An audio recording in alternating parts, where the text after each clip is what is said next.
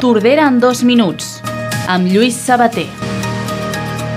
Una jornada on us expliquem que torna la Fira del Conte de Tordera. L'àrea de promoció econòmica ja té en marxa la desena edició de la Fira, que aquest any es celebrarà el dia 22 d'octubre. I Fotoclub Tordera prepara un curs d'iniciació infantil a la fotografia, adreçat a nens i nenes d'entre 10 i 13 anys. En Xavier Llop, president del Fotoclub, ens explica com es planteja el curs.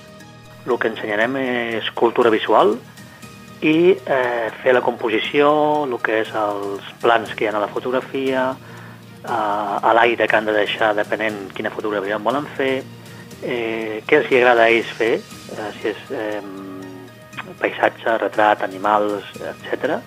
Les inscripcions estaran obertes fins al 26 de setembre i avui és el darrer dia d'inscripció dels cursos de català per a persones nouvingudes que impulsa Càritas Tordera. Escoltem una de les seves membres, de la Dolors Pinnatelli per al Consorci de Normalització Lingüística i llavors es fa com eh, hi ha aquest acord i les hores que fan eh, aquests alumnes que venen a Càritas són vàlides per, per al Consorci i per després obtenir els papers de, Eh, per tenir els papers en regla i tot això.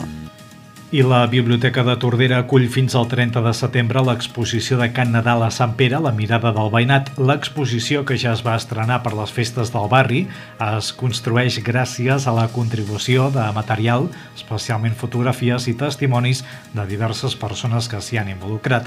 La mostra es podrà visitar en l'horari habitual de l'equipament. I aquest cap de setmana es dona el tret de sortida a les competicions esportives per la majoria dels primers equips tordarencs. El dissabte dissabte 24 de setembre s'estrenen els partits del CEP Tordera, tant femení com masculí, i el diumenge 25 de setembre debuta el primer equip del Club Futbol Tordera. Tordera en dos minuts, un podcast dels serveis informatius de Ràdio Tordera disponible a la web i a les principals plataformes.